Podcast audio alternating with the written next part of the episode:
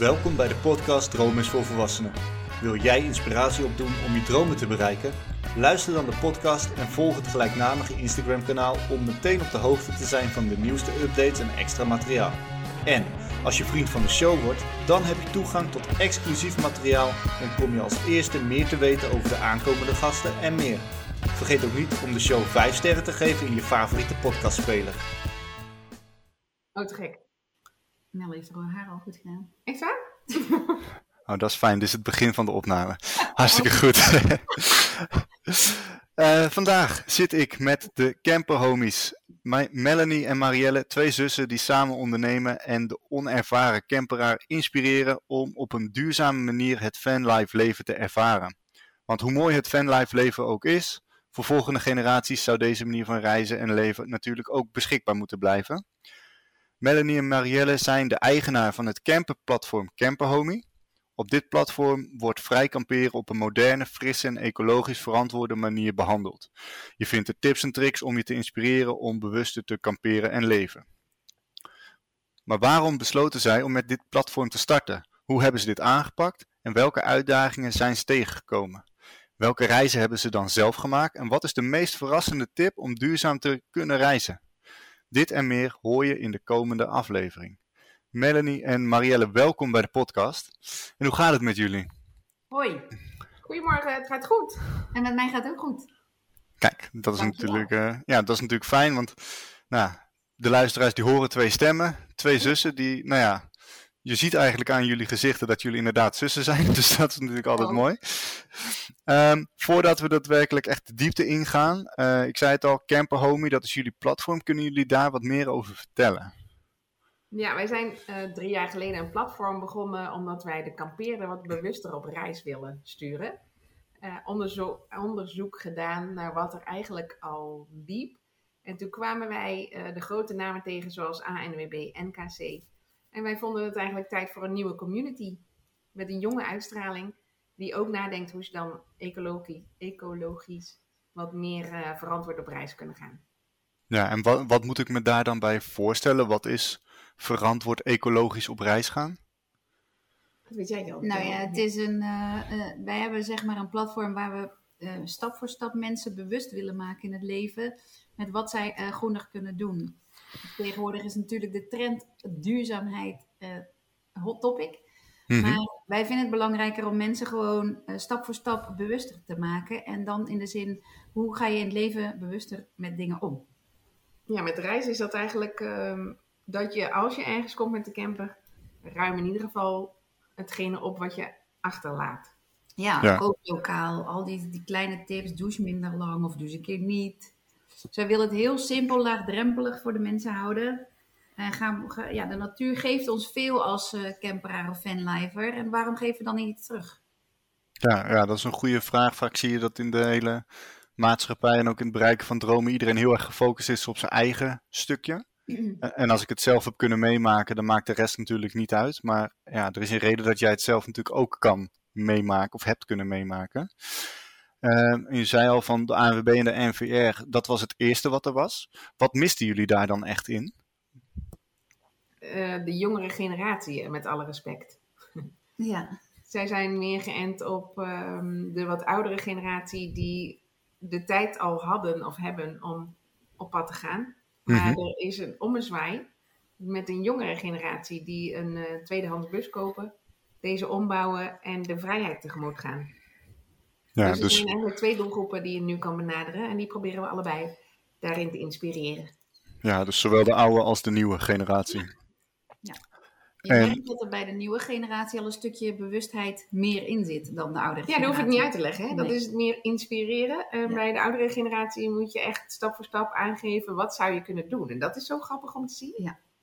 Ja, is het dan ook zo dat je daaraan kan zeggen van als je maar lang genoeg iets doet, dan is het moeilijk om te veranderen? Ja, uiteraard. En Maar nooit te jong om te leren. Nee, nooit Nee, nee, dat, 100% waar. Je bent nooit te jong om, eh, om nieuwe dingen te leren. En was het dan ook zo dat jullie eigenlijk zelf een behoefte hadden in dat stuk wat jullie nu aanbieden? Ja, sowieso met ondernemen. We hebben eh, van jongs af aan al bedacht dat wij hotelketens op gingen zetten. Ja, te- gethematiseerd wel. Ja. Uh, Mhm. zijn altijd met ondernemen opgegroeid. Ehm, we hebben de toerisme gestudeerd en wilden daarin wel wat gaan betekenen. En dan zijn we dus terechtgekomen in het toerisme, waardoor we nu ook zeiden van, nou, als we dan iets kunnen gaan doen, laten we dan eens gaan onderzoeken wat er mogelijk is. En zijn zo in die camperbandje terechtgekomen. En waren jullie ouders dan ook ondernemers? Ja, we komen uit de horecafamilie. Oké. Nou, dat is dan wel... eh, Ja, en, maar dan zie je dat je ouders dan ineens, als je 14 jaar bent, eigenlijk te weinig tijd voor je hebt. Dus dan verkopen ze de boel. Uh, op dat moment nog op, best wel goed. mhm. En toen dacht mijn vader, ja, wat ga ik dan doen? Uh, wij woonden naast een fietstunneltje. En hij zag elke dag fietsen voorbij komen. En hij dacht, nou, dan ga ik gewoon tweedehands fietsen verkopen. En, repareren. Ja. Dus dat is ook omdenken en ondernemen. Dus we hebben altijd Ja. wel eh, de basis meegekregen. Ga gewoon doen waar je hart ligt. En ga dat volgen. Ja, dat is natuurlijk, nou, als ik ook kijk naar alle afleveringen, de podcast, zo'n beetje het beste advies wat je kan geven. Van volg je hart, volg je passie en vaak kun je dan meer bereiken dan je, dan je wil. Hoe Ja, ja, maar- het ook lijkt. Ja, ja, zeker. Ja. Ja, het is altijd zo'n mooie quote van, ze zeggen Pippi Langkous, ik heb het nog nooit gedaan, gedaan, dus ik denk dat ik het wel kan. Ja, die hebben wij ook. Ja. Ja, nou, en ergens is het natuurlijk waar. Als je iets voor het eerst doet, dan weet je niet wat je op je pad kan krijgen. Maar ja, tuurlijk zal je fouten maken, maar goed, fouten is leren. En Zoals vanuit leren kan je groeien. Zoals ik jou net een klein beetje heb leren kennen, is dat volgens mij bij jou ook van toepassing. Ja, zeker. Ik, eh, tegenwoordig ga ik iets meer planmatig te werk, maar vroeger had ik gewoon een idee en dan begon ik maar. En dan zag ik wel waar het schip strandde. Juist. En dat heeft me op zich best wel ver gebracht. Ook wel wat, eh, nou ja, hoe zal ik het zeggen, goede lessen geleerd daarin. Exact. Dat hebben nu- de afgelopen drie jaar ook gehad. Ja. ja, en voordat we daar echt naartoe gaan, eh, ik ga jullie een vraag stellen waar ik aan het eind van de opname een antwoord op wil hebben. Ja. Want stel dat jullie je jonge zelf tegenkomen van de basisschool. Welk advies zou je haar dan willen geven in het bereiken van haar dromen? Denk er nu over na. Want we gaan even terug naar het begin. Want jullie zeiden net al van. ehm we komen eigenlijk uit een ondernemende horeca-familie, om het zo te zeggen. Ehm, maar jullie kiezen ervoor om toch wat meer die ja, vanlife camperstijl eh, te doen. Maar waren jullie dan vanuit huis uit ook kampeerders?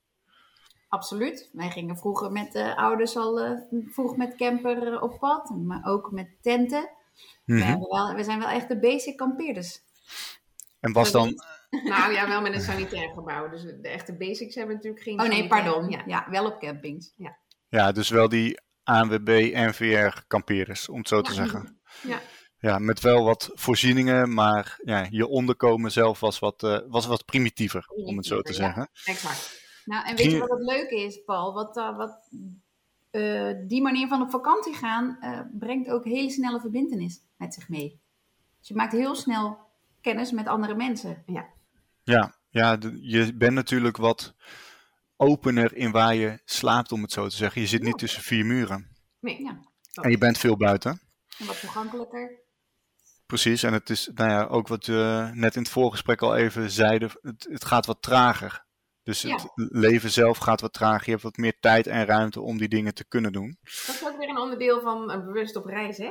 Slow Mhm. travel. Ja, tegenwoordig heb je zoveel dingen rondom het slow, het slow tv, het slow koeken. Denk er maar over na. Mindfulness is natuurlijk ook daarin een, eh, een belangrijke. Ja, maar dat is natuurlijk wel logisch, want we creëren een maatschappij die veel te snel voor ons is. Ja, ja ons brein kan, eh, kan het niet meer volgen, om het zo te zeggen. We hebben nog het eh, primitieve oerbrein, terwijl alle techniek en dergelijke om ons heen super snel gaat. Ja. Ja, ik denk dat daarin ook het stukje eh burn-out, dat soort dingen naar voren komt. Ja. Eh, maar goed, dat is een hele andere discussie waar ik ook anderen over. eh, Ja. Ehm, als je dan kijkt, hè, jullie jeugd verder. Hoe, hoe zag die jeugd eruit? Met ondernemende ouders en dan af en toe die vakanties met kamperen? Ja, we hebben eigenlijk wel een eh, zorgeloze jeugd gehad als ik zo terugkijk. We zijn met z'n drieën. We hebben nog een oudere broer. Mhm. Die is drie jaar ouder. Ehm, je merkt wel dat je zelfstandiger opgroeit. Want je hebt elkaar dan op dat moment als je ouders aan het werk zijn. Maar eh, vanaf 14 jaar hadden we dus ook onze ouders weer terug. En eh, wat ons opgevallen is, is dat zij ons altijd maar hebben laten doen en het Ja. vertrouwen hebben gegeven. Juist. Toen mochten we, eh, toen we 18 waren, mochten we gewoon. Was het 18 of 19? Wat wil je zeggen? Nee, 19. Ehm, sorry, ja. We hadden eh, een stage gelopen in het buitenland, in de Alpen. Mhm. Oh nee, er waren al twintig, joh. 20. En eh, dan zeiden we, ja, we willen eigenlijk nog even terug op visite. Kunnen we even de auto lenen? Ja hoor, neem maar mee. Ja. Nou, toen hadden we een Volkswagen en een BMW. Toen zei, mijn Ja. vader, pak dan alsjeblieft wel de BMW. Toen dachten wij, wauwie, huh, hoezo? Maar achteraf nu denk je, oh ja, dat, is, dat doet hij natuurlijk omdat dat veel veiliger was dan die Volkswagen Polo. Ja. Snap je Ja. wel? Ja, je, dus je beseft eigenlijk niet wat je ouders dan weten. eh, Nee, helemaal niet. Precies. Op dat moment niet. nee, nee, en je kon wel gewoon daadwerkelijk doen, leren door doen, leren door ervaren. Ja, dat Ehm, hebben we meegenomen voor onze eigen kinderen ook. Ja. Ja, maar dan wel is het zo natuurlijk dat jullie omgeving, in dit geval jullie ouders, eh, ervoor zorgen dat je ook dat vangnet hebt om dat te kunnen doen. Want jullie hadden dus twee auto's om mee op reis te gaan. Dat is waar. En de keuze wordt dan voor je gemaakt om de beste auto te nemen. En achteraf denk je, oh ja, dit was de veiligste keuze. Ja. Terwijl je er zelf op dat moment natuurlijk niet, eh, niet in staat. Ehm, en jullie zeiden net al van, we, he- we hebben ook allebei de horecaopleiding gedaan. De toerisme. Sorry, toerismeopleiding. Ja. Hoe, ehm, hoe was die studietijd dan? Chaotisch. Ehm, als tweeling hebben we zeg maar wel alles uit de kast getrokken eh, wat je kan doen. Wij, En wat- Hoe moet ik me dat voorstellen? Nou ja, We eh, hadden allebei dezelfde interesse. Dus we, ik bleef zitten, eh, MAVO, maar Riel ging al naar eh, de opleiding toerisme. Ehm, dus die had al een jaar voorsprong. En, maar die Mhm. dacht in dat jaar, nou, ik vind het eigenlijk ook wel even leuk om eh het wel een jaar over, over te doen. Dus toen kwam ik. En ik had hier en daar een puntje te weinig. Om, om het eerste jaar ook eh, over te gaan. Nou, ja, tenminste, ik vond het allemaal spannend. En, eh, dus ik moest een, eigenlijk hing mijn punt af van mijn Spaans mondeling examen. Om naar het volgende jaar te gaan. Ik voel waar die heen gaat. Ja, toen dacht ik, dat kan ik wel. Ja, want dat jaar heb ik al gedaan. Nou, en zo geschiedde dat ik inderdaad eh, een goed punt had voor mijn Spaans mondeling. Ja. Eh, namens mijn zus. En daardoor het jaar... eh, dus ik weet niet of de oude leraren nog luisteren. Ja, maar da- dat is ook gewoon doen. Dat was natuurlijk eigenlijk reeds spannend. Ja. Maar ehm, ja, het grappige was, eh, Mel had toen haar voet gebroken met een scooterongeluk. En Ja. eh, blijkbaar had de Spaanse leraar een ongeluk gehad uit de bergen. Hadden de zij bergen, ja. in de bergen en zij hadden dezelfde dokter. Dus hij Ja. begon vragen aan mij te stellen over die dokter. Toen zei ik, ehm, meneer, ik ben een beetje zenuwachtig, zullen we gewoon beginnen? Oh, dat is goed, zei hij. Nou, en toen, ging het goed. Maar zo Nou, dat, eh, andersom, dat ik eh, eh, bedrijfsadministratie niet zo goed kon, dat zij de mijne deed. ja, en, zo, en dat is natuurlijk fantastisch als je nu samen zeg maar, zo'n platform kan doen en je eh, sterke punten van elkaar kan benutten. Exact. Ja, en gaandeweg zijn we dus ook... eh, bij een tweeling is het altijd zo dat de ene de flap uit is in het dagelijks leven... en de andere een beetje de kat uit de boom kijkt. Mhm. En bij het ondernemen blijkt dat dus andersom. Dat is zo grappig. Ja. Ja, want op zich, hè, dat ondernemen, jullie zeiden net al van we hebben eh, gekeken van wat is er aan platform en dat soort dingen. En er is dus een ja, gat eigenlijk aan informatie waar wij behoefte aan hebben.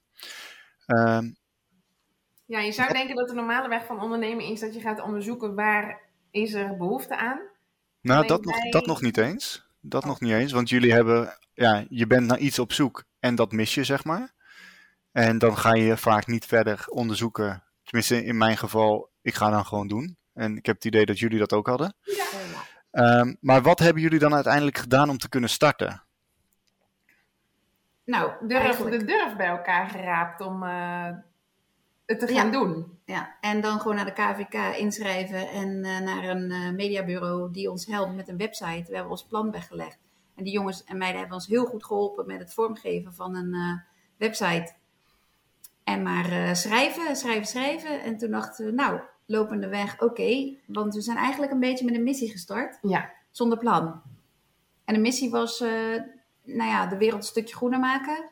En Mhm. dat zat wel eh, bij Mel al wat vroeger dieper in het hart. Ja, ik wilde ons graag onderscheiden van eh, de rest wat de camper ondernemen Ja. doet. En eh, wij voelden eigenlijk wel de nood dat er iets moest gebeuren, ook klimaattechnisch.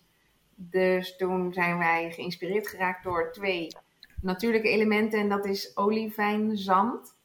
Het zit gewoon in de natuur, eh, Ja. in de aardkost. Mhm. En zeewier. En beide slurpen CO2 uit de lucht.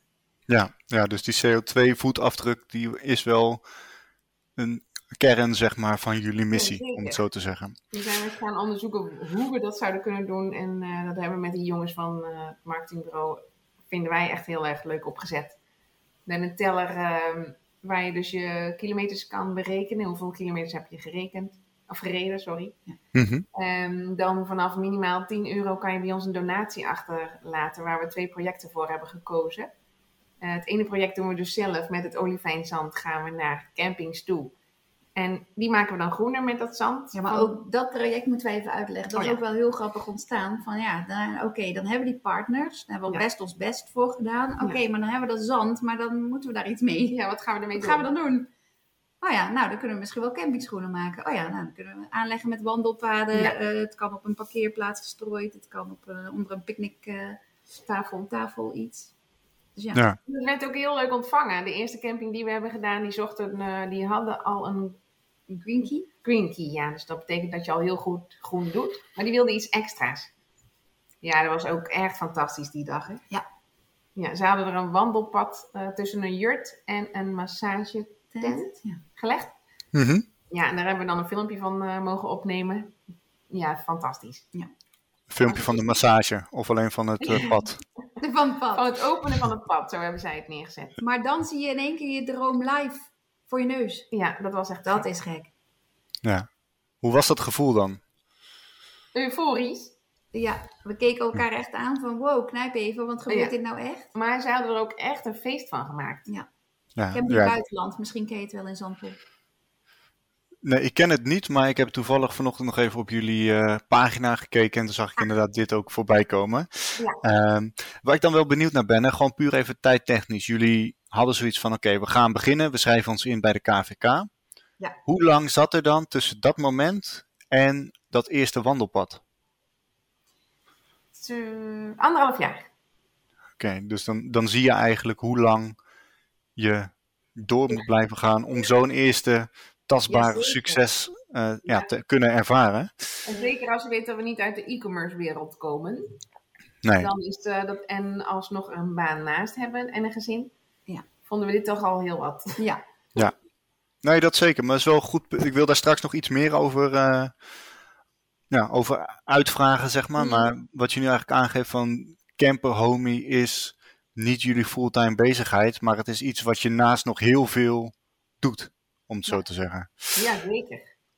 En ik moet nog even terug naar iets eerder wat jullie zeiden van camper homie bestaat nu drie jaar, toch? Ja, Als ik goed Ja. heb onthouden. Ja. Dus jullie zijn begonnen in die coronatijd. Juist. dat heeft de boost kunnen geven. Oh, pardon. Toch? Ondertussen gaat de telefoon eh, op de achtergrond. We hebben net uitgezegd, zei Ja. we net. Ja, nou ja, dat maakt niet uit. kan gebeuren. Ehm, wat maakte dus in die coronatijd dat jullie besloten, ja, nu gaan we beginnen?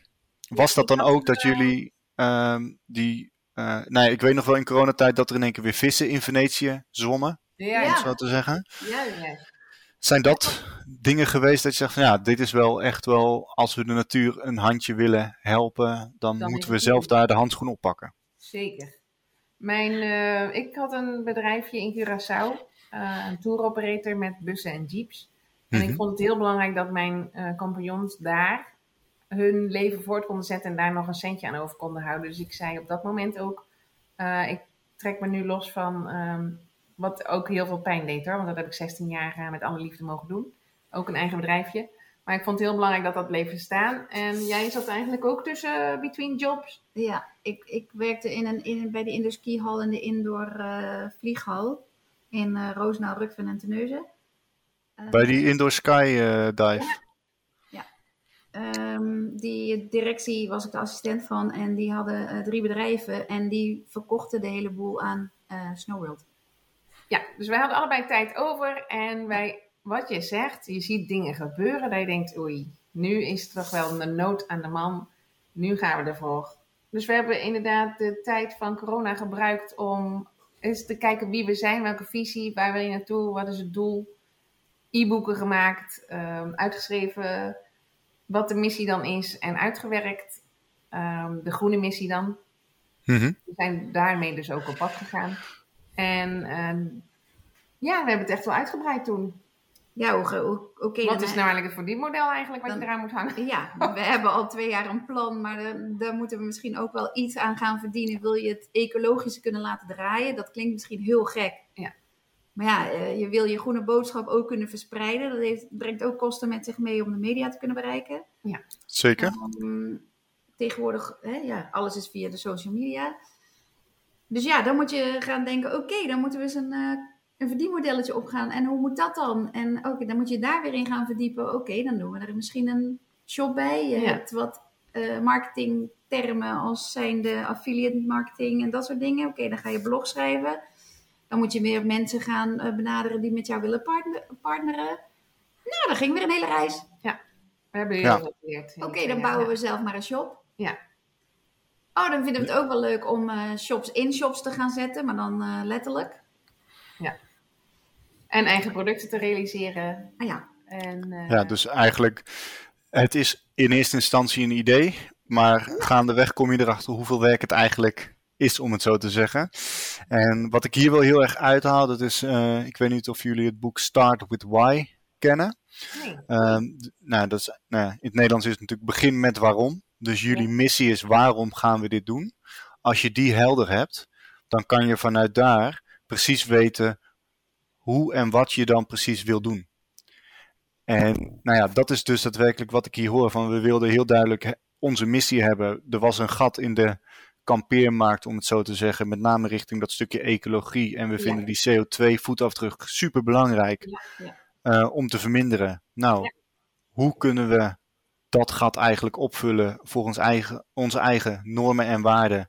En dat wordt onze missie. En vanuit daar heb je dus een stevig fundament om van alles te kunnen doen. pot Ja. Paul. Mooier kunnen we het niet omschrijven. Nou, dat is mooi. Dan gaan we gewoon lekker verder. Eh, want waar ik dan wel benieuwd naar ben, van jullie zeggen al, hè, het is superveel wat je aan het doen bent. Maar hoe ziet dan een week voor jullie eruit? Ja, Nou, heb je even. Heb ik?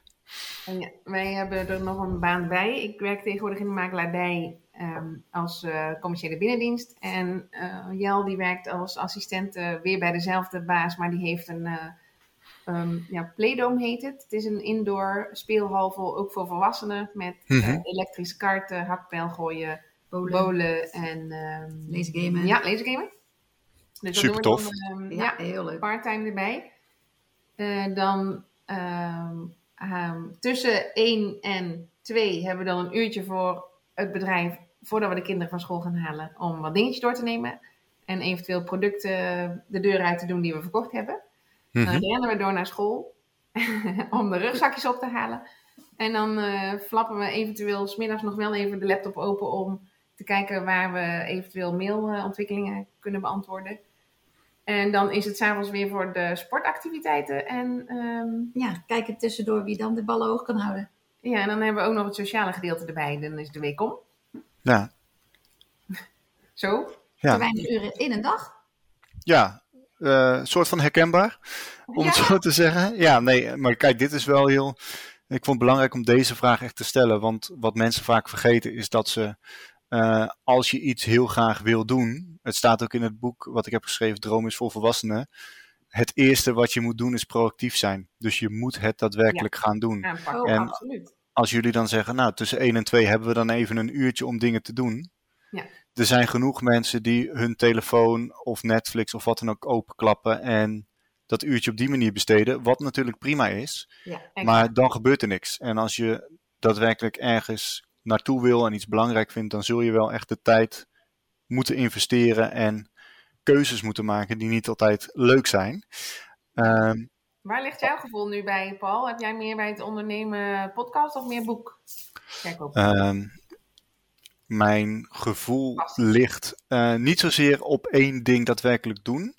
Ehm, zeker ook met de podcast, maar eigenlijk alles wat ik doe en waar ik gesprekken over heb, is dat ik mensen wil inspireren om dromen te kunnen bereiken. Ja, precies. En als ik dan voor mezelf spreek, ik hecht heel veel waarde aan een stukje zekerheid van een vaste baan en inkomen. Ja, Ehm, maar daarin ook een stukje kansen pakken die er zijn. Ehm, makkelijk voorbeeld, toevallig de vorige aflevering met Julia Kizimenko eh, hebben we het ook gehad over het stukje investeren en beleggen. Ehm, ik heb mijn situatie thuis zo kunnen inregelen, zeg maar, dat eh, financieel gezien wij de juiste keuzes hebben kunnen maken Oh, om eh, nou ja, makkelijk voorbeeld is de hypotheek. Een paar jaar geleden was natuurlijk de hypotheekrente super laag. ja, Wij hebben in 2019 ons huis gekocht. Toen was het eigenlijk al laag. Dat was precies het jaar voor de coronatijd dat de huizenprijzen gingen stijgen. Nou ja, we hebben precies op het goede moment dan gekocht. Oh. Maar twee jaar later was de rente nog verder omlaag gegaan. ja. En we hadden een verbouwing in huis vanwege lekkage in de badkamer, et cetera. Dus we hadden een bouwdepot nodig, dus we moesten een nieuwe hypotheek. Toen hebben we gekeken en als wij de hypotheek zouden oversluiten, dan moet je natuurlijk een boete betalen. Yes. Maar onderaan de streep betekende een boete betalen, extra hypotheek erbij en de hypotheek oversluiten, dat wij 100 euro netto minder gingen betalen per maand. Kijk, Puur omdat die rente zo laag was. Dan is die boete het je wel waard, hè? Ja, precies, want die boete werd ook uitgesmeerd over die 20, 30 jaar. Juist. op dat moment, kijk, dit, dit is een heel makkelijk voorbeeld van iets wat je dan doet. Je moet even tijd erin eh, Ja. steken, maar reken maar door. 100 euro per maand voor 20 jaar. Ja, dat is gewoon vier- 24.000 euro wat je Oh, in je, in je zak houdt, waar je niks voor hoeft te doen. Om het zo te zeggen. Ja, Ehm, en dat soort kleine slimmigheden, dat kan ik dan nu gebruiken om te kunnen beleggen, om uiteindelijk ervoor te zorgen dat eh, ik minder hoef te werken, omdat de financiën binnenkomen. Dus dat stukje zekerheid, juist. daar hecht ik heel veel waarde aan. En ik hoef niet van de een op de andere dag rijk te worden of niet meer te hoeven werken of wat dan ook. Ik vind het hartstikke leuk om heel veel te doen. Ja. Maar mijn fundament moet ook gewoon, zoals dat heet, antifragiel zijn. Eh, ongeacht wat er gebeurt, ik wil dat kunnen doen wat ik belangrijk vind. Ik vind het belangrijk om mezelf fysiek en mentaal te blijven ontwikkelen. Ja. Dus ik beweeg, ik sport gewoon drie keer in de week. Ik probeer elke dag te bewegen. Ik probeer elke dag te lezen. Ja, en ik, je weet niet wat er gaat komen. Het geluk hebben wij ook dat wij de basis ook bij de mannen hebben liggen. En Mhm. eh, zelf die basisdeel hebben. Maar dan moet je het inderdaad wel daarnaast durven doen. Nou, en Ja, dat, dat willen we ook gaan uitdragen, dat de maatschappij tegenwoordig allemaal zoveel wil. Wij denken juist dat je gelukkig, gelukkiger wordt met minder. Ja. Ja, als je waardeert wat je hebt, in plaats van kijken naar wat anderen hebben. En social media, jullie noemden het net al natuurlijk dat, hoe belangrijk het is. Ehm, kijk, als wij op vakantie gaan, dan delen we de mooie plaatjes. Ehm, we zullen er straks nog iets meer over hebben, maar we zijn in Noorwegen geweest afgelopen zomer. Hebben we ehm, onder andere de Trolltunga hike gedaan. Oh, wauw. Ja, die wilden we graag doen. We hadden bedacht in Nederland dat we dat wel konden doen. Nou, uiteindelijk hebben we het ook kunnen doen. Maar hoe zwaar het was, Ja, dat hoor je nergens. nee. Dan wordt er gezegd, nou, het is wel een pittige hike. Je moet er een dag voor doen. Je moet op tijd beginnen. Eh, het is 20 kilometer lang. In totaal heb je bijna een kilometer aan hoogtemeters die je loopt. Maar ja, niemand zegt je dat het ook daadwerkelijk gewoon minimaal acht uur heen en weer is. Ja. En dat je gewoon aan het eind van de dag bijna niet meer een trap op of af kan. Omdat je benen gewoon helemaal naar de getver zijn, om het zo te zeggen. Nee, Paul, dan ga ik jou een geheimje verklappen. Dat is Dat ook mag. hetzelfde bij het krijgen van het eerste kind. Ja, nou ja, in dat, eh, in dat geval, eh, voor de luisteraars die het nog niet weten, dit Oh, is hij voorlopig ook de laatste, de laatste podcastopname, want wij zijn in verwachting van een kleintje. Ehm, maar ja, dat staat ook op mijn Instagram pagina, heb ik nu een eh, highlight van stories over het vaderschap. ja, precies. Eh, Niemand want wat- toe hoe zwaar het is eigenlijk. Het is allemaal leuk. We zitten Nou, nou, op een roze wolk. Precies dat. En, maar wat mensen vooral niet, eh, of tenminste wat ik tegenkwam de laatste tijd online, is dat er rondom het moederschap superveel te vinden is. Ja. Maar rondom het vaderschap helemaal niet zoveel. Nee. Ja, kluun hè? Ja, dit boek. Ah, ja. ja. Het boek Help, ik heb mijn, zanger, uh, voor mijn vrouw zwanger gemaakt van Kluun. Heb ik ook gelezen, die ik fantastisch. Ja, ja, het is inderdaad, uh, het, maar het is ook gewoon lekker een makkelijk boek erin en op dit moment heel herkenbaar om het zo Ja. te zeggen. Ehm, maar goed, los daarvan, hè, als je dus een goede basis hebt, dan kan je dus ervoor kiezen Ja. om eh, uiteindelijk, kijk, financiën, dat is een van de dingen die de laatste tijd ook in de podcast en op mijn Instagram pagina iets meer naar voren zijn gekomen. Omdat ik heel erg het besef heb gekregen, oké, financiën, dat is leuk. Maar voor het bereiken van dromen heb je altijd vier dingen nodig. Dat is geld, dat is tijd, dat zijn vaardigheden en vaak het stukje omgeving of iets anders wat erbij komt. Gunfactor misschien ook. Ja, maar dat zit natuurlijk ook wel deels in je omgeving dat mensen het jou eh, kunnen gunnen. Ja, Maar op het moment dat jij voldoende of onvoldoende geld binnenkrijgt, dan zul je je tijd moeten inwisselen voor geld. Eens. En op het moment dat jij dus die basis hebt van je financiën, en in het geval van het vaderschap is dat ook zo. Ik weet nu ook, hè, we, zijn in, we wonen in Nederland, er is best wel veel goed geregeld voor vaders Zeker. eh, rondom het geboorteverlof. Zeker vergeleken met Oh. pak een beetje tien jaar geleden. Ja. Ehm, ik kan zonder probleem nu vijf weken opnemen. Ik word gewoon doorbetaald. Ik kan daar zijn wat ik belangrijk vind. Ja. Ja, ik weet nog in de tijd dat mijn vader mij kreeg, had hij geloof ik één of twee dagen. ja, exact. Nou, en dat is al zo'n verschil zeg maar met nu. Maar stel dat je dus in de situatie hebt dat er voldoende geld is, dan hoef je niet eens de keuze te maken. Dan kan je Nee. gewoon zeggen, dit vind ik belangrijk, dus dat ga ik doen. Nou, je merkt dus nu ook wel dat de jeugd andere keuzes maakt op dit moment. En even naar onze branche getrokken. De jeugd kan dus geen woning meer betalen. Dus wat doen zij? Zij kopen een eh, tweedehands busje. Die knappen ze helemaal op naar het gelang ja, ze zelf willen. Eh, de stijl kunnen ze zelf kiezen. De aankleding kunnen ze zelf kiezen. Voor een bepaald budget, hè? Ja. Ze kunnen eh, upcyclen, recyclen of nieuwe spulletjes kopen. Maar zij werken ook allemaal remote. Dus ze kunnen ook op pad. En als je daardoor je maandlasten ook, dat is ook een keuze, hè? kun je maandlasten ook lager houden. En ehm, ja, we hoeven allemaal toch niet meer de HBO-maatschappij te zijn. Als we consumeren, minder productie is ook veel milieuvriendelijker, toch? Nee, 100 procent. ja. Nou ja, kijk, een van de dingen die wij bijvoorbeeld hier eh, in onze woning nog willen doen, en ik ben daar wel iets meer van dan mijn eh, vriendin. Ik wil graag in onze tuin ook een moestuin gedeelte hebben. Ja. Ah, ja. Eh, we hebben een regenton om water op te vangen. Het zijn Oh. kleine dingen, maar dat zijn wel allemaal dingen die ervoor kunnen zorgen dat ook die voetafdruk minder wordt. Ja, de vorige ja. eigenaars hebben de tuin helemaal bestraat. Fijn. Ja, ik wil dat niet, maar wij moesten keuzes maken. Gaan we de tuin doen of het huis? Ja, dan gaat het huis op dit moment wel Tuurlijk. voor erin. En als je het inderdaad hebt over de nieuwe generatie en het wonen, werken in een camper. ehm, ook dat wordt in eerste instantie online heel idyllisch vormgegeven. Ja, exact. En nou ja, wij zijn in Noorwegen geweest en we kwamen Noorwegen uit. We waren thuis en twee dagen later kwam storm Hans Ah ja. in Noorwegen. Nou, achteraf moest ik er niet aan denken dat wij in Noorwegen waren Wauw. op dat moment. Ja. En dat je in je campertje zit. En we hadden dan een eh, Toyota Pro Ace gehuurd. Oh, netjes. Dus die is ook niet zo groot. Dus ja, dan, dan is je, weer, je wereld is heel klein op het moment dat je in... eh, en we zaten dan maar drie weken op elkaars lip.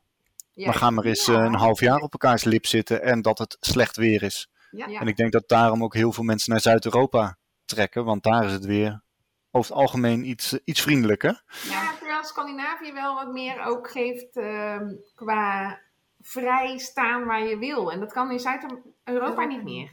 Nee. Klopt. En dat, dat was ook wel iets wat wij eh, super tof vonden en waarom we dus ook Noorwegen als bestemming hadden.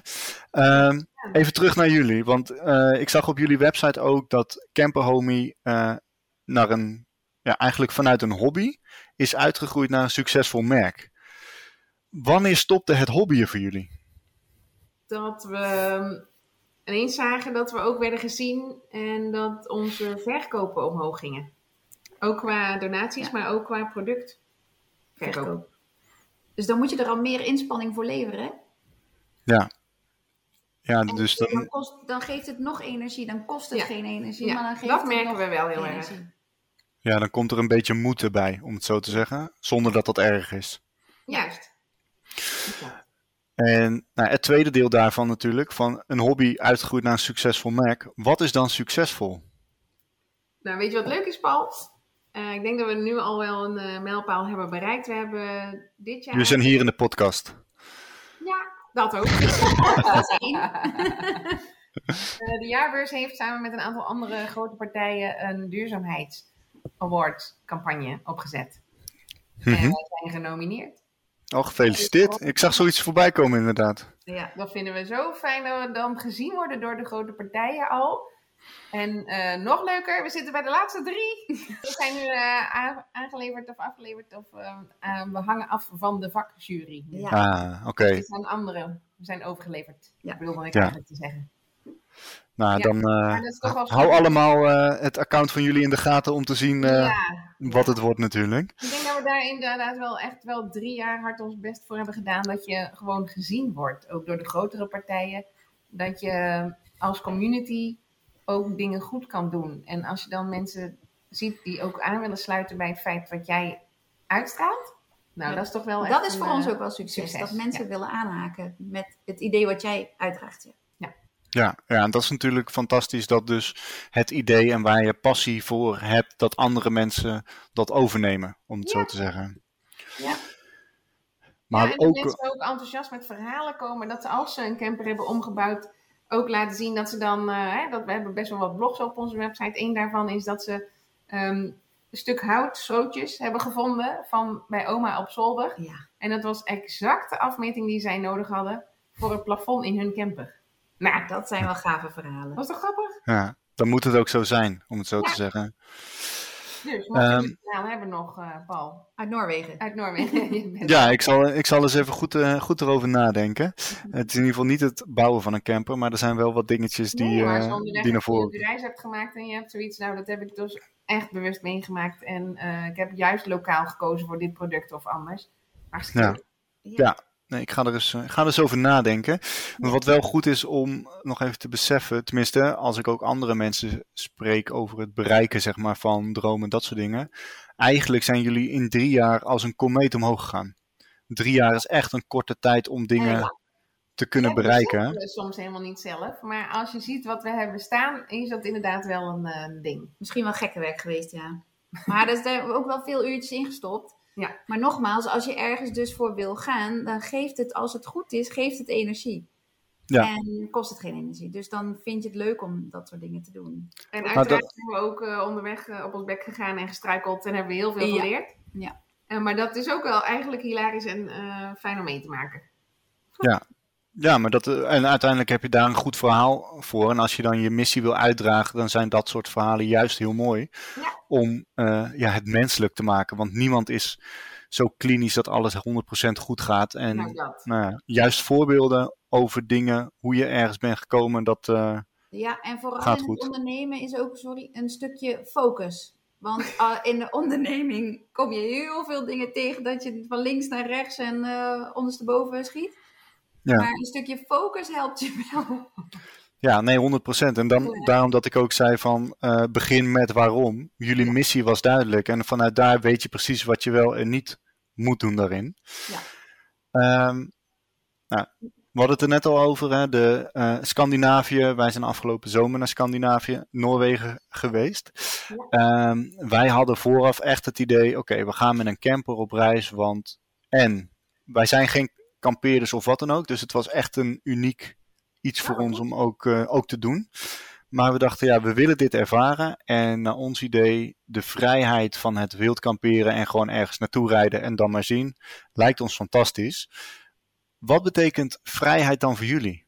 Nou, ik wil eerst weten wat jullie gevoel was. Of het gelukt is wat je zocht. Uh, ja en nee. Uh, maar de nee eerst. Wij zitten natuurlijk gewoon met een stukje dat we allebei een vast contract hebben ergens en niet zomaar voor onbepaald tijd weg kunnen. Dus we hadden een redelijk strak plan gemaakt. Um, maar het feit dat je een app als Park for Night kan gebruiken ja. en zegt, ja, daar gaan we naartoe. En zeker die eerste week is natuurlijk alles nieuw en dan is het gewoon lekker ontspannen. En toen merkte ik echt, oh, dit is echt wel het slow traveling. Gewoon lekker ontspannen. Um, Maar zeker als je dan richting het einde kwam en dus ook achteraf, we, we dachten misschien is het een stukje heimwee, maar het bleek toch een stukje zwangerschap te zijn, waardoor uh, we toch liever naar huis wilden gaan. Op dat moment, ja, we moesten vanuit de Lofoten naar huis toe. Dus Oh, wauw. dat is niet, dat is best een eind. En als je dan weet dat onze vakantie drie weken duurde, uh, dan hebben we ook echt dagen gehad dat we alleen maar aan het rijden waren. En dat zijn gewoon taaie dagen. Ja. Maar het feit dat je aan het rijden bent en denken, hé, hey, daar is een waterval. Oh, dan stoppen we daar even en gaan we Ja, daar naartoe om even te kijken. Dat is gewoon super tof. Ja. Ehm, alleen mijn insteek zeker is altijd wel om te kijken, oké, we gaan een reis doen. Ergens wil ik het maximale er wel uithalen door misschien iets te veel te plannen dan dat werkelijk nodig is. Maar nu hadden we de vrijheid om ook te zeggen, nou, dan gaan we dat niet doen, zeg maar. En dat was ook prima. En ik hou van koken, dus ik heb eh, ook een podcast opgenomen met ehm, Rosanne van der Pol van eh Ja. Camperkeuken. Ja, hebben we geluisterd. Leuk. Ja, ja, en daarin dacht ik ook van, nou, weet je, het koken in een camper, dat is ook weer een nieuwe ervaring. Dat je echt wel een goed plan moet hebben om iets moois te kunnen maken. Want je hebt gewoon minder ja, ruimte, letterlijk. Minder pannetjes, maar ook niet zoveel gas in dit geval. Hoe luxe is het leven eigenlijk, hè? Ja, dat besef je dan als je terugkomt van, oh, we hebben gewoon weer even makkelijk een warme douche. Oh, we hoeven niet na te denken over eh, een, het maken van een risotto waar je een uur lang het gas aan laat staan, om het zo te zeggen. Ja, er zijn Dus- heel veel nuttige dingetjes voor hè, tegenwoordig. Maar het is inderdaad wel die juiste... Ja, Nou, dat is denk ik voor ons ook wel vrijheid. Het kunnen doen eh, wanneer jij denkt dat goed is. ja, Ja, dus en wat, dat ook maar mag zeggen. mag. Jij mag wel. Tuurlijk. vind ik ook dat de gezondheid is ook echt vrijheid. Als Ja. jij in goede gezondheid bent Oh ja. en je wil inderdaad die hike lopen in eh, Noorwegen. Stel dat je dat niet hebt, dan is die, wordt dat, die vrijheid alweer weggenomen. Ja, nee, dat klopt. De, het stukje kunnen doen wat je wil doen. Ja. Eh, niet alleen fysiek, maar ook gewoon puur qua tijd en geld. Kijk, Noorwegen is een duur land. Dat is makkelijk zat. Nou, Ehm, daar kan je natuurlijk met je boodschappen, net als in Nederland, eh, keuzes in maken door... Ja, je gaat in Nederland of bij de Lidl of bij de Albert Heijn Ja. boodschappen doen. Daar zit een verschil in. Ehm, in Noorwegen heb je dat net zo. Maar als je weet wat zeg maar de goedkopere supermarkten zijn, dan is het makkelijker Ja. om die keuze te maken. Maar dat wij op de terugweg de keuze hadden van, nou weet je, vandaag willen we gewoon even, even lekker slapen, goede douche, we boeken een hotel. exact. Dat is ook de vrijheid om te kunnen hebben. En uiteindelijk is dat denk ik wat je ook in het leven zou willen. Dat je zoveel mogelijk vrijheid en ontspanning kan hebben in Ja. de dingen die je doet. Alleen daarvoor moet je vaak wel investeren om dat leven te krijgen. En vaak zie je gewoon heel veel mensen, ook zeker online, van de een op de andere dag is het gelukt, tussen haakjes. Dat gaat niet. Nee joh. Nee, nee en dat is Nee. wel... vrijheid wel van het beseffen. wat bij ons is, is ehm, als je inderdaad je campertje neerzet eh, en je hebt een mooie plek aan het water of waar je het zelf ook prettig vindt, dan flap je die stoeltjes uit en ga je zitten met een biertje. Wij doen altijd een biertje ter overwinning dat we de kilometers eh, goed hebben eh, doorstaan. Dan Mhm. posten we. Ja, en dan met het uitzicht waar je dan zelf naar eh, hebt gezocht. Dat is toch ook vrijheid? Maar ook de, Ja. de, de vrijheid dat jij aangaf, ja, dan kwam Storm Hans. Nou ja, Ja. dan komt die Storm Hans, dan rij je naar een ander plekje. Precies. Ja, dat je niet vastgeketend zit in de maalstroom van de tijd, om het zo te zeggen. En dat is denk ik ook wel precies waar mensen Ja. heel veel, ehm, nou, denk burn-out, denk stressklachten van hebben. Ja. Ze zitten in een situatie waar ze niet in willen zitten, maar ze kunnen niet uit de situatie komen. Ja, schakelen.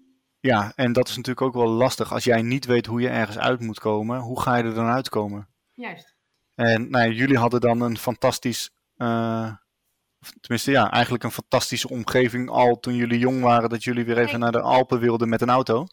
Ja. Ehm, maar ook wat jullie zeiden, dat nou ja, de mannen zeg maar in de familie, dat die ook een basis verschaffen, dat als camperhomie zou mislukken, dan is er nog steeds geen probleem. Dat. Nee. En daar hebben we een goed overleg gedaan hoor. Die jongens lachen ons nog steeds uit, maar wij vo- voelen ons goed. Ja. ja. Ja. En merken nu dat we ook weer wat voorstellen vanwege die nominatie. Ja, nee, maar dat, maar dat is ook wel eh, belangrijk, denk ik. Dat je ook je. Het is, niks is zo makkelijk om jezelf te teleurstellen. Want je hebt altijd wel een excuus waarom het niet goed is gegaan. Juist. Maar op het moment dat je tegen iemand anders zegt van ik ga dit doen, dan wordt het lastig. Ja, want dan heb jij een eh, verwachting gecreëerd. Ja, precies. En dan moet je gaan verantwoorden naar iemand anders. Maar dat is juist ook wel goed om het met iemand te delen. En in jullie geval om het lekker samen te doen. Nou, is dat is, natuurlijk ook ook makkelijk. een voordeel, ja. En te delen met je man, om dat, de drive ook te kunnen houden. Ja, dat zeker. Dat zeker. Ik wil wel dat het lukt. Is die vrijheid, hè? Is dat dan ook voor jullie de reden waarom kamperen en met de camper weggaan zo fijn is? Jazeker. Ja. Onderdeel van zeker, ja. En als je dan kijkt, hè, van wat is jullie favoriete vrijheidsbestemming geweest met de camper? Ehm, we hebben laatst echt een hele leuke reis gemaakt, vond ik. Ja. En dat was eigenlijk in een challenge vorm. Wij zijn, eh, wij in opdracht hebben we een YouTube-serietje mogen maken, die komt binnenkort uit. En dat was wel heel erg vrijheid dat je kan zien dat, er in, met, dat je in Nederland, want wij Mhm. zijn dan ook wel van het lokaal reizen, in Nederland met een elektrische camper, wat dus duurzamer is, in een paar dagen heel Nederland rond kan rijden. Ja. Als het moet. Ja. ja, Nederland is natuurlijk een klein land. Ja, maar zo Ja. mooi. We Ja. hebben de vrijheid gekregen om, ehm, om de afgelopen jaren zelf Nederland te ontdekken. Ook vanwege corona vonden we dat gewoon belangrijk om het lokaal te houden. Mhm. En we hebben zo ook wel leuke plekjes gezien, hè? Ja, absoluut. Ja, ik weet ook nog wel, eh, ik weet niet of dat het in de podcastaflevering met Arjan Dwarshuis door hem werd genoemd of ergens anders, maar die zei toen, als ik Amerikaanse vrienden overbreng en ik wil ze Nederland laten zien, dan kan ik in twee dagen heel Nederland laten zien met allerlei verschillende biodiversiteit, verschillende landschappen. Ja, En ja, wat, wat ook wel, denk ik, dankzij corona inderdaad gekomen is, is dat we meer zijn bes- gaan beseffen hoe mooi Nederland eigenlijk is. Dat is het. Ja, ik ben zelfs, als ik even voor mezelf mag praten, dat de corona er niet voor niks is geweest. Dat, Ja. ze, dat het even weer ons met beide benen op de grond heeft gezet. En moeder natuur even genadeloos laten zien dat ze er ook is. Ja, ja ik denk zelfs dat eh, corona juist meer goed heeft gebracht dan slecht. Even los Ja. van, het is waardeloos voor iedereen die dierbaren heeft verloren, Ja, die enorm ziek is geweest, die nu nog klachten daarvan heeft. Maar als je kijkt naar de maatschappij aan zich, bijvoorbeeld het vanuit huis remote kunnen werken. Ja. Voor corona werkte ik een halve dag thuis en moest ik vier dagen daadwerkelijk op kantoor zijn. Nu is er een maximum in principe van twee dagen op kantoor, tweeënhalve dag thuis. Ja, Kijk. En nou ja, als je dan hebt over duurzaam, het feit dat ik dus twee dagen niet meer extra in de auto hoef te zitten heen en weer op de snelweg, Ja. is natuurlijk ook wel prettig. Eh, en nou, dan kan je dus ook iets langere nachten maken, et cetera, et cetera. ja als we dan het eh, openbaar vervoer ook nog wat goedkoper maken, hebben we ook minder files, minder Precies. minder Ja. Ja. Maar je ziet Nou, zo- dat eh, de vanlife ook daardoor een boom heeft gekregen, hè? Die vanlifers zijn eh, remote gaan werken in het buitenland Ja. en ehm, hebben daar zich ook niet laten tegenhouden. Nee, precies. En dat is ook wel, denk ik, het een van de belangrijke dingen. Ehm, de kansen die je voor corona had en die je nu hebt, die zijn iets anders geworden. Ja. En wat vooral belangrijk is, kijk, het besef ehm, tijdens de eerste, zeker de eerste paar maanden van de coronacrisis, is dat je thuis moest zitten. Het was meteen verplicht zes weken thuis zitten. Ja, ja maar er zijn Ja. dus ook heel veel mensen geweest die in die camper in hun eigen bubbel zijn gaan zitten. Ja, die heb ik ook inderdaad in de podcast gehad. Dat ze eh, letterlijk aan het begin van hun reis stonden in coronatijd. En dat ze dus maar in Nederland in instantie moesten blijven omdat de grenzen dicht waren. Ehm, maar wat je ook zag is dat heel veel mensen vanuit de Randstad naar eh, buiten de Randstad zijn verhuisd. Ja. Exact. Het heeft ons Om- gewoon weer even teruggebracht naar de basis. Precies. En nou, die basis die is natuurlijk hartstikke belangrijk. En als we het hebben over het stukje basis. Als jullie dan niet zozeer kijken naar camperhoping, maar naar jullie leven. Wat is dan jullie droomleven? Hoe, hoe kan ik dat omschrijven? Of hoe zouden jullie dat doen? Nou, in principe kan ik al wel zeggen dat ik mijn droomleven leef. Nou, Ehm, eigenlijk ook wel. Ja, En dat een leven, dan haal ik dan nogmaals maar een keer aan, dat het gezondheid voorop staat. Anders kan je je leven misschien niet leven die je graag wil, fysiek of mentaal. met de geliefde om je heen. Ja, En een droomleven is dus wat kunnen doen wat jij graag wil. ja, en waar je hart ligt. En de kansen kunnen pakken die dus aan zich aandienen. Zo, Ja. dat hebben we niet gerepeteerd, hè, dit. Dit is knap. Nou, het lijkt wel alsof jullie zussen zijn en elkaar aanvullen. Nee, maar wat ik eigenlijk hier vooral uithoor is dat weer die basis goed moet zijn om te kunnen doen wat je wil doen. Ja. En ik denk ook dat heel veel mensen vaak, en dat is natuurlijk zo makkelijk als maar kan, klagen over de dingen die niet goed gaan. Maar er niet zo snel iets aan willen of kunnen veranderen. Maar er is geen groter klaagvolk dan Nederland hoor. Nee. Dat komt omdat we het veel te goed hebben. Ja. Over het algemeen gezien. Ja, en als er dan iets tegen zit, dan is het meteen een ramp, maar weten we niet hoe we dat moeten oplossen. Nee, en dat zie je pas. Ik heb twaalf jaar in het buitenland gewoond, eh, hier en daar. En dat zie je pas dus als jij de helikopterview hebt vanuit het buitenland, hoe goed Nederland het heeft. Ja. Ja. En dan moet je proberen die relaxedheid van het buitenland terug mee te nemen naar Nederland. Nou, dat is een uitdaging. Ja, ja, want jij bent wel veranderd, maar je omgeving niet. Nee. Er zijn ook genoeg, als je kijkt aan het eind van de zomerperiode, van de zomervakanties, hoeveel berichten er verschijnen van hoe kan je ervoor zorgen dat je het vakantiegevoel kan blijven vasthouden. Ja, exact. Precies dat. Ja. En ja, dat zit in vaak hele kleine dingen. Ehm, eerder hadden, hadden we het ook al over de CO2-compensatie. Ja. Ehm, daar nog even naar terug gaan, want jullie gaven eigenlijk al aan dat het best wel belangrijk is voor jullie. Waar komt dat belang daadwerkelijk echt vandaan? En hoe kan je dat, niet alleen op reis, want daar zijn best wel veel dingen bekend voor. Denk aan het compenseren van je CO2-uitstoot van een vliegreis. Maar hoe kan je daar ook in je dagelijks leven meer mee bezig zijn, naar jullie idee? Maar dat kan dus echt heel simpel in dagelijks leven. Er zijn zoveel eh, eigenlijk simpele dingen waar mensen zich niet van bewust zijn, maar wel kunnen en moeten doen. Eh, Mhm. Ik noem maar even een paar Moet voorbeelden. niks, maar Moet we niks. zouden wij graag willen dat ze dat doen. Pardon. Ehm, ik noem even een paar dingen. I- iedereen heeft wel een droger. Dan kunnen we de condens naar buiten gooien, maar we kunnen ook het water opvangen. Met water zou je de wc door kunnen trekken. Je zou de plantjes water kunnen geven. Zo doen we dat ook namelijk met de aardappels die we afgieten. Dat water kan je ook gewoon bewaren en in drogere tijden bij je plantjes gooien. Ik weet, dat gaat misschien een beetje ruiken na een lange tijd bewaren. Dus je moet wel even uitkiezen wanneer of hoe wat je doet. Maar je kan er ook voor kiezen om eh, vijf minuten minder te douchen. Je kan een, een keer een washand gebruiken, koud douchen, Niet douchen. ehm, zonnepanelen. Het moet voor iedereen natuurlijk ook betaalbaar zijn. Maar afval scheiden ben je al goed bezig. Dat wordt natuurlijk een hoop gepromoot ook tegenwoordig. Heel goed. Nou, zulke kleine voorbeeldjes kunnen er misschien ja, Ja, en lokaal boodschappen doen. niet te veel online, want online, dat doe ik ook, hè. Maar eh, als je online shopt, kies dan bewust. Weet zeker dat je het wil hebben. Ga niet tien maten bestellen, want die andere acht maten of negen maten, die worden teruggestuurd, maar die komen weer op een hoop ergens in de woestijn en die worden verbrand. Je moet even weten met eigenlijk jij hebt, bewust zijn ja. van wat je doet. Ja, Zo, dat was Jel. Oké. Ja, maar dit zijn, dit zijn dus heel veel kleine dingetjes die je al kan doen. Maar Ja. eh, er wordt te weinig aangegeven dat je het kunt doen. ja, en wat het misschien ook wel is, omdat het iets kleins is wat je kan doen, eh, doe je het niet. Omdat het, kijk, aan de ene kant zeg je, het is super klein, super gemakkelijk om te doen. Dat klopt, maar het zit niet in je gedrag of patroon, dus je doet het niet. Nee, maar we leven in een gemaksmaatschappij, dus het hoeft ook niet. Precies, en wat- nou ja, ik had toevallig voordat we begonnen nog even opgeschreven van jullie promoten het stukje duurzaamheid, het stukje CO2-uitstoot verminderen, et cetera, et cetera, en deze dingen ook. Maar wat is nou het risico daarin van de andere kant, het gemak en het geld?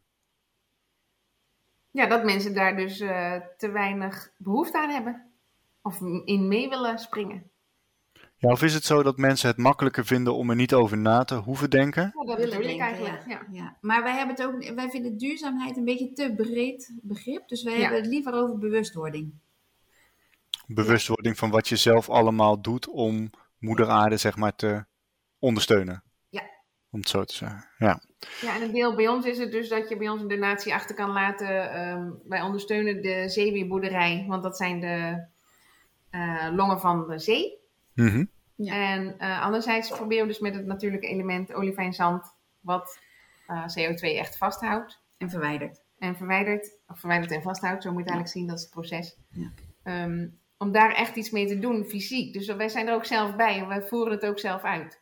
Ja, ja dus jullie vertellen het niet alleen, maar je doet het zelf ook. Ja, we zoeken de camping op. We gaan samen met ze kijken waar hebben jullie behoefte aan, hoeveel hebben jullie nodig. En eh, uiteraard hebben zij het personeel wat aanlegt. Maar wij komen wel terug om te kijken hoe is het aangelegd. We gaan het op film zetten. We lopen nu richting de vier campings. Mhm, Dat is nog niet zoveel, maar ja, In drie jaar vind ik er best... is eh, toch best veel. ja. Precies, dat is helemaal niet, twee eh, niet slecht. film. En eh, die andere komt dit najaar. En eh, de vierde die gaat dit najaar ook aanleggen. Ja, en net als we Kijk, met dus, bomen, eh, bomen planten, dat doet iedereen ook echt heel goed. Maar je Ja. merkt nu ook dat iedereen zomaar bomen gaat planten. En dan komt er weer na een onderzoek uit dat het bomen zijn die heel die CO2 niet vasthouden. Nee, maar dat die ook niet matchen. Of niet matchen, of Ja. dat het weer in de lucht komt. Dat is ook weer een, echt een apart vak hoor.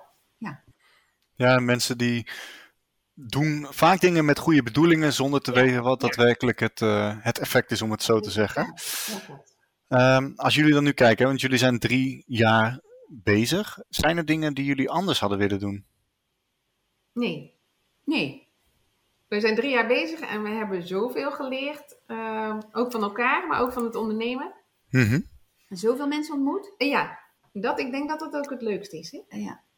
En Ja, verhalen gehoord. Ja. Ja, en dat, inspireert natuurlijk ook, eh, ook wel. Ja, gaan we nog een andere podcast aan wijden, want dan eh, lach je eigen ook kapot. We kunnen altijd nog een bonus eh, aflevering opnemen voor de vrienden van de show, die dan dat extra materiaal gewoon voor, een, voor de prijs van een kopje koffie maandelijks kunnen, kunnen horen. Ja, klopt. Ik wil nog één ding weten, maar dat is puur gewoon even de techniek erachter, uit, achter dat olivijnzout. Want jullie zeiden, Ja, het, het, eh, sorry, zand, ik zei zout. ja. Ehm, ja, flauw dat ik dat zeg. Nee. Ehm, nee, su- ehm, jullie zeiden, het houdt, of het haalt CO2 uit, uit de lucht en het houdt het vast. Maar zit er dan een maximum aan, aan hoeveel het kan vasthouden? Dat is een hele goede vraag. Het is een gesteente, eh, zoveel als het gesteente kan opnemen. Oké, dus ja, het is eigenlijk net als een spons. Als er te veel water in zit, dan lekt het eruit. Ja, wij hebben onze partner Green Sand daarin. En Mhm. eh, die jongens die zijn eh, geïnspireerd geraakt door de professor Olaf Schulling, Schuiling. Schuiling. En Eddie doet dat nu. Eddie Wijnker. Eddie Wijnker, ja, en dat is zo een eh, pionier in het vak wat dat betreft. Ehm, ga zeker een keer een kijkje nemen op zijn website greensand.com.nl. Ja. Ehm, hij is al twintig jaar met dit product aan het leuren. Mhm. En het woord duurzaamheid is nu eh, vijf jaar in de lucht. Nou, en hij zegt ja, ik weet niet waar de mensen ineens vandaan komen, maar mensen willen ineens goed doen. En dat is juist heel fijn. Ja, maar ook wel bijzonder dat het dus in één keer belangrijk is. Ja, je moet ook het proces misschien even uitleggen van het zand. Het is dus gesteente, zo gezegd. En het is in verschillende maatvoeringen eh, verkrijgbaar. Dus je kan grind, je kan een kleinere korrel hebben, een grotere korrel. Eh, maar dat komt, wanneer dat dus in, met regenwater of water in aanmerking komt, gaat het verweerproces in werking. Ja. En eh, nou, het heeft dus alleen maar regenwater nodig om het CO2 aan zich te binden. Mhm. En wanneer dat je het eh, nou ja, overeenloopt, gaat het verweringsproces sneller en zal het ook sneller verwijderen. Ja, ja, vandaar ook de wandelpaden die het dan Ja, beter doen, zeg allemaal. maar. Dat Ja. was bedoeling. Ja. Als we dan kijken hè, naar eh, het stukje duurzaam op reis gaan, of eh, ik zit even te denken welke term jullie net ervoor hadden. Eh, Bewust- bewust, op reis ja. gaan, precies. Wat is jullie ultieme tip? Nou, ga het vooral ervaren en ehm, begin dan bij een camper te huren. Omdat die deelplatformen tegenwoordig zo fijn benaderbaar zijn. We hebben Mhm. een aantal eh, partijen in Nederland die daar heel goed in zijn. Ehm, ga kijken welke camper past. En camper is al een vorm van eh, duurzamer op reis gaan. Ja, ten opzichte van een lange vliegreis. Ja. Ja. Lang vliegreis van, eh, je kan slow travelen, je kan door heel Nederland en België en Frankrijk, wat je wil. Ja. Je kan ook, eh, daar eh, zijn onze vrienden van Trala Luna, heten zij. Die ehm, verhuren campers. Ja, echt ook hilarisch. Maar zij zeggen juist, in Drenthe, ga Drenthe lokaal eens ontdekken. Je hoeft niet de grens over. Ga gewoon eens bij de buren kijken, ehm 20 kilometer verder. Daar hebben ze een leuke camping. Ga de boel eens in de buurt ontdekken in plaats van. En dat vind ik ook echt wel bewustwording Ja, van het feit wat je kan doen. Ja, ik weet nog wel dat wij eh, twee jaar geleden hadden we een roadtrip met onze eigen auto door Duitsland. Ja. En toen waren we aan de Bodensee in Meersburg in een eh, klein lokaal chocoladewinkeltje. En die vrouw erachter die, die zei van, ja, er zijn natuurlijk een aantal steden, dorpen rondom de Bodensee die heel bekend zijn. Ja. Ook als je online kijkt. Maar ze zei, ik ben eigenlijk nog nooit volgens, eh, aan de overkant van het water geweest. Zo. Maar zelf niet? Nee. Ah, wat gaaf. Nou, dat bedoel ik. En dat is inderdaad van ja, dichtbij heb je ook superveel mooie dingen. Overal waar je waarschijnlijk kijkt, hier ook in de provincie waar je zelf woont, dat er superveel toffe dingen zijn. Maar op de een of andere manier zijn we geprogrammeerd dat we het ver weg moeten ervaren, terwijl dichtbij het ja, net zo mooi is. Ik had gisteren, zo, misschien wel een leuk voorbeeld. Ik was, eh, we waren in gesprek met een externe organisatie en nou, dat ging over van alles en nog wat. Maar de helft van de tijd was ik een beetje naar buiten aan het kijken naar alle vogels die voorbij vlogen. niet dat ik niet aan het opletten was, maar meer dat ik gewoon lekker ontspannen erin zat en ook kon genieten van wat er dichtbij was. Anders dan dat je heel erg bezig was met ja, dingen van ver weg of wat dan ook. Ja. Oh, grappig.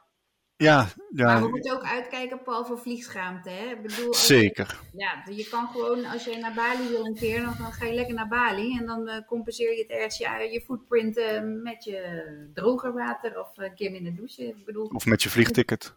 ja, Ja. het moet niet zijn dat het dat gaat belemmeren. Nee, nee, zeker niet. Gewoon, Het gaat om een stukje bewustwording, wat jullie ook al zeiden. En dat is natuurlijk ook in het bereiken van dromen, zeg maar. Als jij bewust bent waar je nu staat en waar je naartoe wilt. Ja. Ja. En dan dus weet waarom je iets wil doen, waarom je er naartoe wil, dan heb je een goed fundament. Ja. Ehm, stel hè, Is het eh, droomwereld leven op een Antilliaan of op een idyllisch tropisch eiland? Ja. Nou, ik ben er geweest na twee jaar. ehm, heb je het gezien hoor? Dat qua waard. Ja, ik weet nog wel, ik ben in 2016, toen studeerde ik af. En toen eh, had ik toevallig die winter een vriendin van mij die ook in de podcast gast was in de derde aflevering, Kim. Die werkte daar toen als fysiotherapeut en duikinstructrice. Ja. En ze zei in de ja, rond kerst van wat ga je doen deze zomer? Ik zeg ik heb geen idee. Oh, kom dan met, met mij mee naar Maleisië. Dan kan je gewoon daar op het resort lekker relaxen.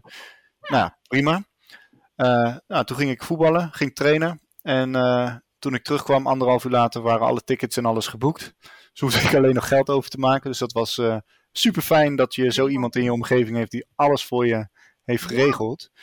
En toen merkte ik daar ook dat in die eerste paar dagen dat alle stress en inspanning van die opleiding gewoon uit mijn lichaam ging, zeg maar.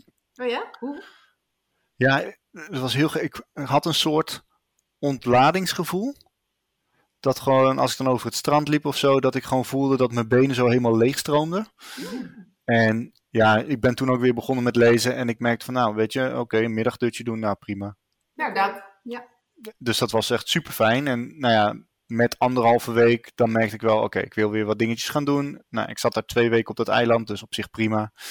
Uh, maar later, twee jaar later, ben ik met mijn vriendin naar Maleisië geweest. Toen hebben we eerst een rondreis gedaan. En toen zijn we nog een week op dat eiland geweest waar zij zat. Oh, leuk.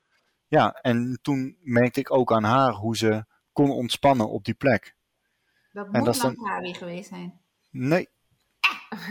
Helaas. Daar zijn we wel geweest. Oh. Ehm, nee, dat was eh Perhentian. Oh ja, ook leuk. Zeker, zeker. Eh Langkawi, dat was wat... Toeristische. Ja, dan, we zijn toen met de, met de boot vanuit Penang daar naartoe gegaan. Ja. Maar die boot was niet zo'n succes. Oh. Ja, je zat al. Je, je kon de horizon niet zien. Dus de helft van de mensen die werd gewoon zeeziek en we zaten als sardientjes in een eh, blik, zeg maar. Oh ja. Maar Maar goed, Paul, voor twee weken was dat jouw droomleven. Maar als je daar dus in, die, in dit, dat klimaat twee jaar verblijft, Ja. dan denk je, Mhm. oh, doe maar gauw maar weer eh, gewoon het Nederlands zeeklimaat. Maar dat is natuurlijk maar net Zeker. waar je intenties liggen, waar je mee opgegroeid bent. En eh, ja. ja, en ook wat je belangrijk vindt en hoe jij als persoon Ja. bent. Wat voor mij werkt, hoeft niet voor iemand anders te werken. Nou, duidelijk, dat wil ik ook zeggen. En, maar ik denk wel dat, je, eh, dat de basis, los van de invulling, dat dat voor iedereen hetzelfde is. En dat je dus moet kijken, wat voor een persoon ben ik, wat vind ik belangrijk. En dat je daar je droomleven en je dromen op kan baseren. Anders dan van, hé, hey, ehm, ik zie bijvoorbeeld iemand die dit doet, die deze reis, nou, of wat jullie doen, ja, als dat niet mijn droom is om het op die manier te doen en ik heb niet die ondernemersgeest, Nee, vooral niet doen. precies. Ja. Maar als iemand iets anders, zeg maar, eh, als iets anders mijn missie is en dat volg ik helemaal, dan volgen ze precies datgene wat jullie doen. Alleen is de invulling anders. Ja. Maar de stappen daarboven natuurlijk niet. Dat is ook zo. Het leven bestaat uit eten, drinken en een activiteit. En slapen tussendoor. Stel hè, stel, stel dat wij elkaar over vijf tot tien jaar spreken. Waar staan jullie dan en waar staat jullie platform? Dan staan wij denk ik nog met twee voeten op de grond. Ja. En hebben wij eh, waarschijnlijk eh, twee jonge meiden naar voren geschoven. ja. Want dan zijn wij al eh, voor het beeld zelf al wat uh, uit, denk ik. ja. Nou Voor ja, onze doelgroep zijn we twee oude mutsen dan. nou ja, dat we gewoon met plezier nog mogen blijven ondernemen over tien jaar. Dat is het grappige. En is het zo dat over tien jaar jullie doelgroep niet met jullie meegroeit? Ja, aan de ene kant wel, maar we proberen wel de jonge doelgroep te blijven inspireren ook. Ja. Ja, natuurlijk hopen we dat ze met ons meegroeien, maar we proberen wel vanaf onderaf aan eh, mensen Te bewust- blijven voeden. Ja, ja. Ja, dat is denk ik ook wel, eh, ook wel goed. Ehm, als ik dit hele ges- nou, ik zit even te denken, als ik dit gesprek zou samenvatten, dan komen er echt heel veel dingen naar voren. Aan de ene kant dat bij jullie het ondernemersplantje, zeg maar, al heel vroeg gekiemd is, geplant is eigenlijk vanuit jullie eh, ouders. Ja. Dat het stukje omdenken en het hebben van een goede missie, weten waarom je iets doet, super belangrijk is. En dat het ook makkelijk maakt om uiteindelijk je route te vinden. Ja. Ja, makkelijk is een groot woord. Makkelijker, Ja, nog een groter woord. Ehm, maar dat het ook zo is dat de ruimte die je hebt Ja. in een dag, dat je die moet gaan benutten om daar iets mee te doen. Want als het niet Ja. gebeurt, dan doe je dat helemaal niet. En dat is eigenlijk op het moment dat je succes ervaart door reacties vanuit je omgeving en vanuit onbekenden te krijgen over de toffe dingen die je doet, dat dat zoveel energie geeft om verder te kunnen gaan, dat dat gewoon inspirerend is, maar dat je moet beseffen dat het, en dat is misschien wel het belangrijkste, dat het niet zo makkelijk is om van A naar B te gaan, dat er superveel werk in zit Ja. voordat je dromen kan bereiken Ja. en je daar keuzes in moet maken. ja exact. Goed Oké. woord, voor, goed verwoord, ja. Nou, dankjewel. Ik heb eh, Ja. mijn best gedaan. Ja. Ehm, hebben, we nog wel, Dat is knap, dat is een talent, hoor. Ja. hebben we alleen nog wel één vraag openstaan. Stel Ja, dat jullie elkaar eh, de jonge versie inderdaad spreken van de basisschool. Welk advies zouden jullie willen meegeven in het bereiken van de dromen? Ga vooral zo door zoals je ehm, het leven hebt opgepakt. En dromen blijven dromen. Maar ook omzetten in kansen. Nou, ik denk dat dat, eh, Wellicht. dat sowieso het fijnste natuurlijk. En niet te veel naïviteit. Wel onbevlogenheid. Ja, onbevlogenheid. Eh, Ja, ah, joh, naïef ook. Prima. Het scheelt je wel een hoop tijd. Ja, ook die tijd eh, die je hebt besteed, dat zijn natuurlijk wijze lessen geweest Dan uiteindelijk. moet je toch leren. Ja, Ja, dat is ook leuk om, eh, te leuk om niet te leren. Toen. Voor de mensen die nu aan de hand van dit gesprek denken, ik wil in contact met jullie komen, ik wil jullie volgen. Waar kunnen ze dat doen? Via ehm, social media, Instagram, Facebook, Camperhomies. Of stuur ons gerust even een mailtje via info.camperhomie.com. Ja, en ik zal alles in de show notes ook nog toevoegen, eh, zodat iedereen alles lekker bij elkaar heeft. Ehm, ik wil jullie sowieso bedanken voor dit toffe, inspirerende gesprek Ja, jij- en de tijd. Ja, graag gedaan. En eh, nou ja, luisteraars, hou eh, allebei de accounts eigenlijk in de gaten voor, voor je dagelijkse dosis inspiratie om je dromen te bereiken. Ja, en met een knipoog, hè, want dat vinden we belangrijk. Precies, precies. Humor. Dank jullie wel.